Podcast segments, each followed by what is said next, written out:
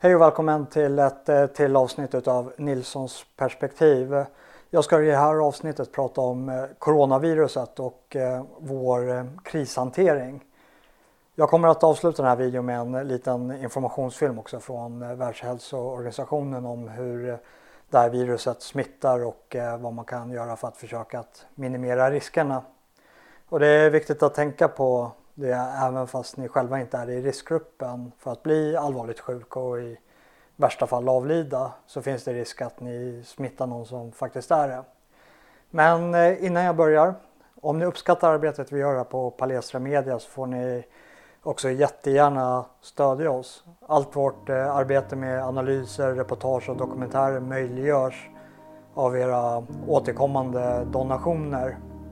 Notera också att vi har ett nytt swishnummer samt att vi nu också har ett bankgiro och ett kontonummer om ni vill eh, ställa in en månatlig donation. Tack på förhand. Coronaviruset har nu fått fäste i Sverige och börjar sprida sig i en ganska rask takt. Vi hade ett eh, första dödsfall häromdagen och vi har i dagsläget över 700 bekräftade smittade. Och eh, dödligheten sägs vara någonstans mellan 0,5 till 5 procent. Och man kan nog räkna på att många fler bär på smittan utan att veta om det. För som det är nu så testar eh, inte ens sjukvården om personen i fråga bär symptom. Såvida den inte är inlagd eller eh, tillhör en av de här riskgrupperna.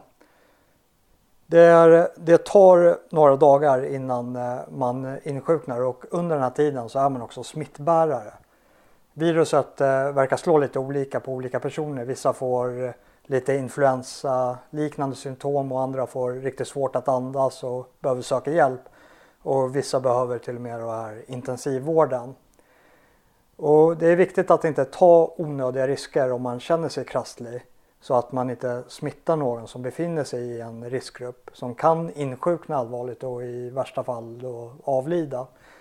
Och det kan då röra sig om äldre eller andra som har nedsatt immunförsvar eller någon annan kronisk sjukdom som framförallt berör eh, lungorna då coronaviruset just eh, attackerar lungorna.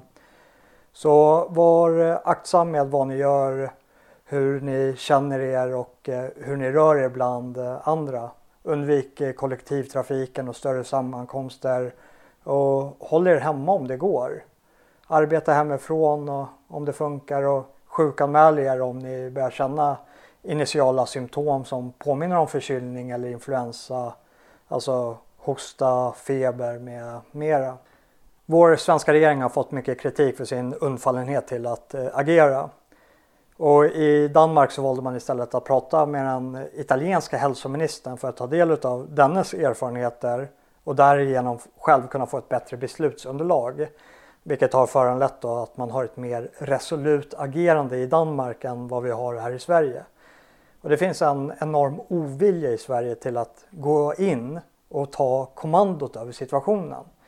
Och det är med anledning till att det betraktas som ministerstyre, vilket är lite som att svära i kyrkan inom eh, svensk eh, myndighetsförvaltning. Och det här då skapar i sig självt en undfallenhet till att såväl vilja som att kunna agera. Svensk eh, modell till krishantering följer vissa principer när det kommer till påfrestande samhällsförhållanden. Och dessa principer gör att svensk ledning är sist på bollen och är tveksamma till när det överhuvudtaget ska gå in och agera. Det är i huvudsak tre principer. Och det är närhetsprincipen, likhetsprincipen och ansvarsprincipen. Och det här tre är kraftigt sammanlänkade med varandra. Det innebär i korthet att den som är närmast problemet förväntas att agera och den aktören ska agera med en så normal procedur som möjligt. Och den som ansvarar för den här samhällsfunktionen i normalfallet ska även ha ansvaret under eh, krisen. Och det är därför vi har sett eh, andra länder stänga inflygningar från drabbade områden. Och det är för att de här länderna har någon som går in och tar beslutet. Medan den här svenska varianten till förväntat agerande inte inbjuder till en sådan beslutsfattning uppifrån. Och ett sånt här beslut kan inte heller tas på den lokala nivån. Och det här blir också extra problematiskt när det är en gränsöverskridande krissituation.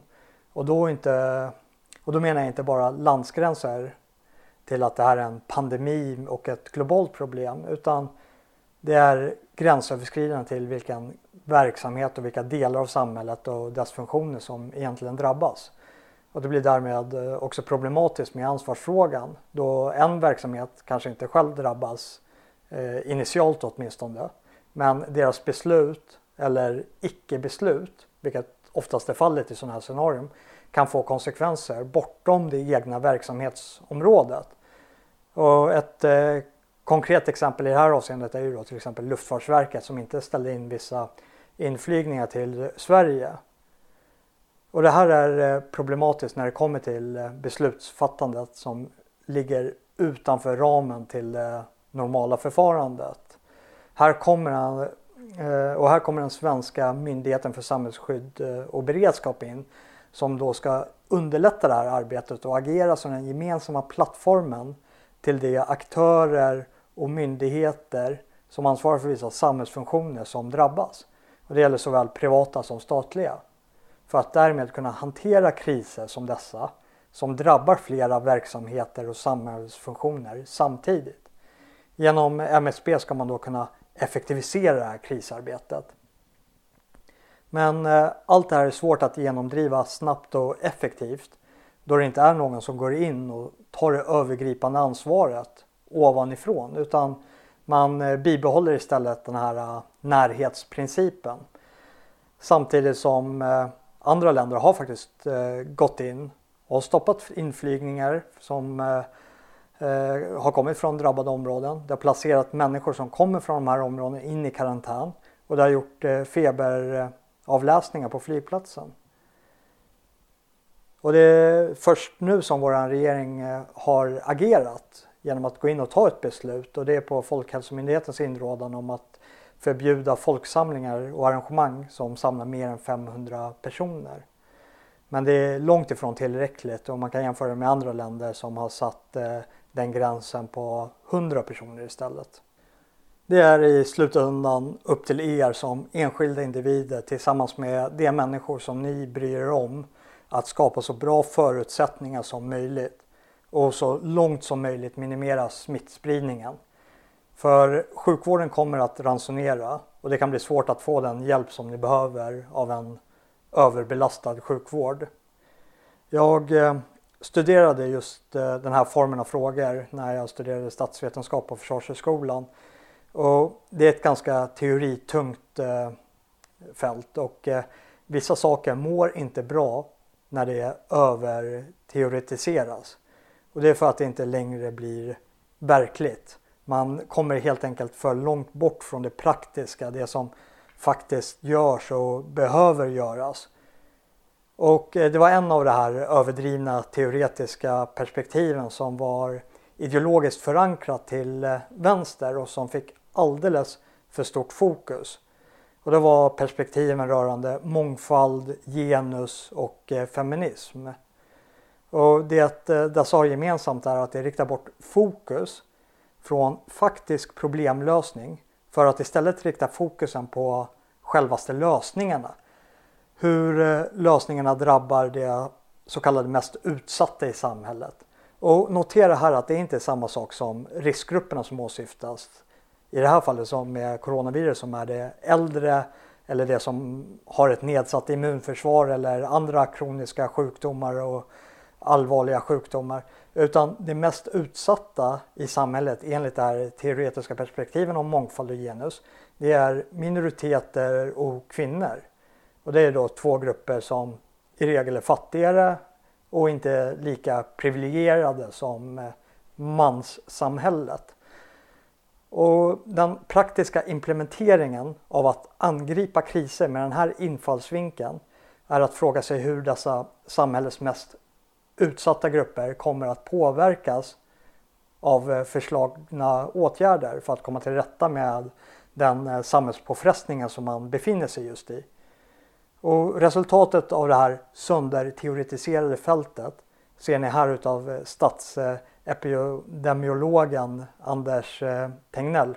På samma tema då, Spotify-chefen Daniel Ek, han leder ett företag med tusentals anställda. Han eh, uppmanar nu alla sina anställda att stanna hemma mm. och arbeta hemifrån. Mm.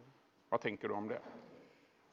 Nej, men det är ju hans beslut. Eh, det kan ju finnas anledningar i delar av världen när man har mycket smittspridning, som Italien idag, att kan man driva sina företag på det viset så, så kanske det är bra.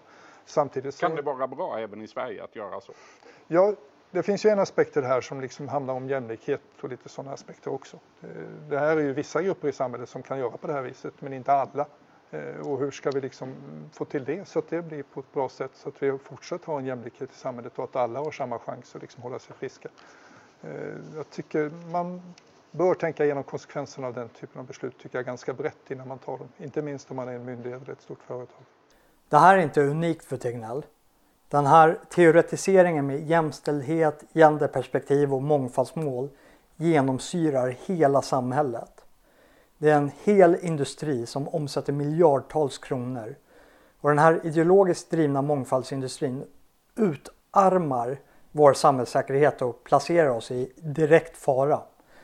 Och det var inte länge sedan som eh, journalisten eh, Jesper Johansson avslöjade Södertörns brandkår att de förbisåg erfarenhet och merit i deras rekryteringsprocess och istället anställde tjejer som saknade erfarenhet och som inte heller klarade fystesten till att bli brandmän.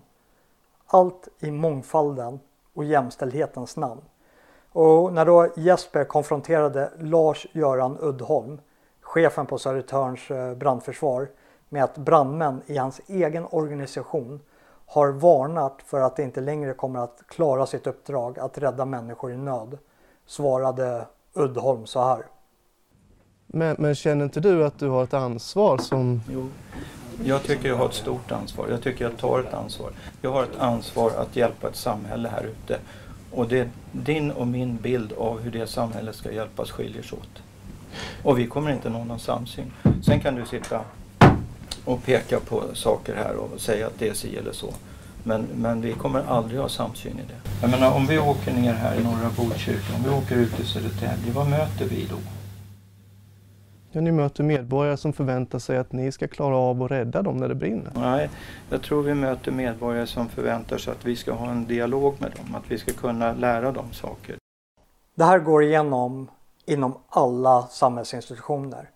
Och skulle Sverige hamna i det mest extrema utav samhällspåfrestningar, alltså ett krigstillstånd, så ska ni veta att en stor del av vår officerskår är av exakt samma kaliber som vår statsepidemiolog Tegnell och som eh, brandchefen Uddholm.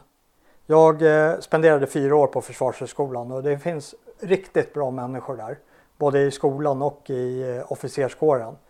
Men det finns en institutionell cancer som gör att jag ifrågasätter Försvarsmaktens vilja och förmåga till att överhuvudtaget kunna, om eh, nödvändigt, utkämpa ett krig mot eh, jämbördig part. Försvarsmakten ska ha en integrering utav eh, ett eh, genderperspektiv vid eh, militära operationer, vid eh, verkanseld och genomförande. Tar vi ett brofäste eller befäster någon annan viktig position av såväl taktisk som strategisk betydelse så ska en analys genomföras över hur denna handling påverkar kvinnor och män olika. Och till sin hjälp har Försvarsmakten eh, häromåret också släppt en eh, militär genderhandbok i tre delar. Och där kan man då utläsa praktiska exempel om ett militärt förband eh, behöver stänga av en väg så bör det till exempelvis göra följande det bör samla in könsuppdelad information i rusningstrafik och vid en lugnare tidpunkt. Ta reda på vem som cyklar, går respektive åker bil samt vem som transporterar barn. Gör en genderanalys för att förstå hur och vem som använder bron. Information kan inhämtas genom att en grupp soldater observerar förbipasserande eller intervjuar förbipasserande om hur och varför de använder bron. Det finns eh, också ett uttalat 50-50 mål mellan män och kvinnor i Försvarsmakten. För att det är eh, tydligen viktigt att reflektera samhället som man är satt med våld att skydda. För reflekterar man inte samhällssammansättningen så kommer man också att sakna trovärdighet till att kunna genomföra sin eh, huvuduppgift. Försvarsmaktens produktionschef Anders Silver förklarar handboken och eh, genderimplementeringen med att eh,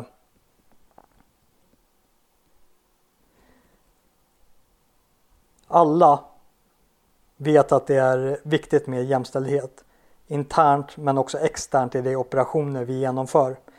Handboken är ett stöd i hur vi kan åstadkomma detta. Vi vill tillsammans understryka att vi tycker att det är viktigt att Försvarsmakten är en öppen och inkluderande arbetsplats. Det kommer att stärka trovärdigheten för vår eh, verksamhet. Så hamnar vi i ett eh, krigstillstånd i Sverige så förvänta er inte en annorlunda retorik än vad ni får höra av våra andra myndigheter med eh, Tegnell och Uddholm. Vi kommer i framtiden behöva en sanningskommission för att se över hur många människoliv som har gått till spillo på det här mångfaldsmålen och genusteorierna. För politiska beslut kommer med konsekvenser. Och är dessa beslut ideologiskt drivna, ja då blir det också fokus på ideologin, i det här fallet då jämställdhet, istället för den faktiska och praktiskt orienterade problemlösningen. Tack för att ni har eh, lyssnat. Se till att eh, dela den här videon och eh, prenumerera om ni eh, inte redan har gjort det. Och eh, vill ni se mer av oss så får ni också jättegärna skicka in ett eh, bidrag. Vi syns till nästa gång.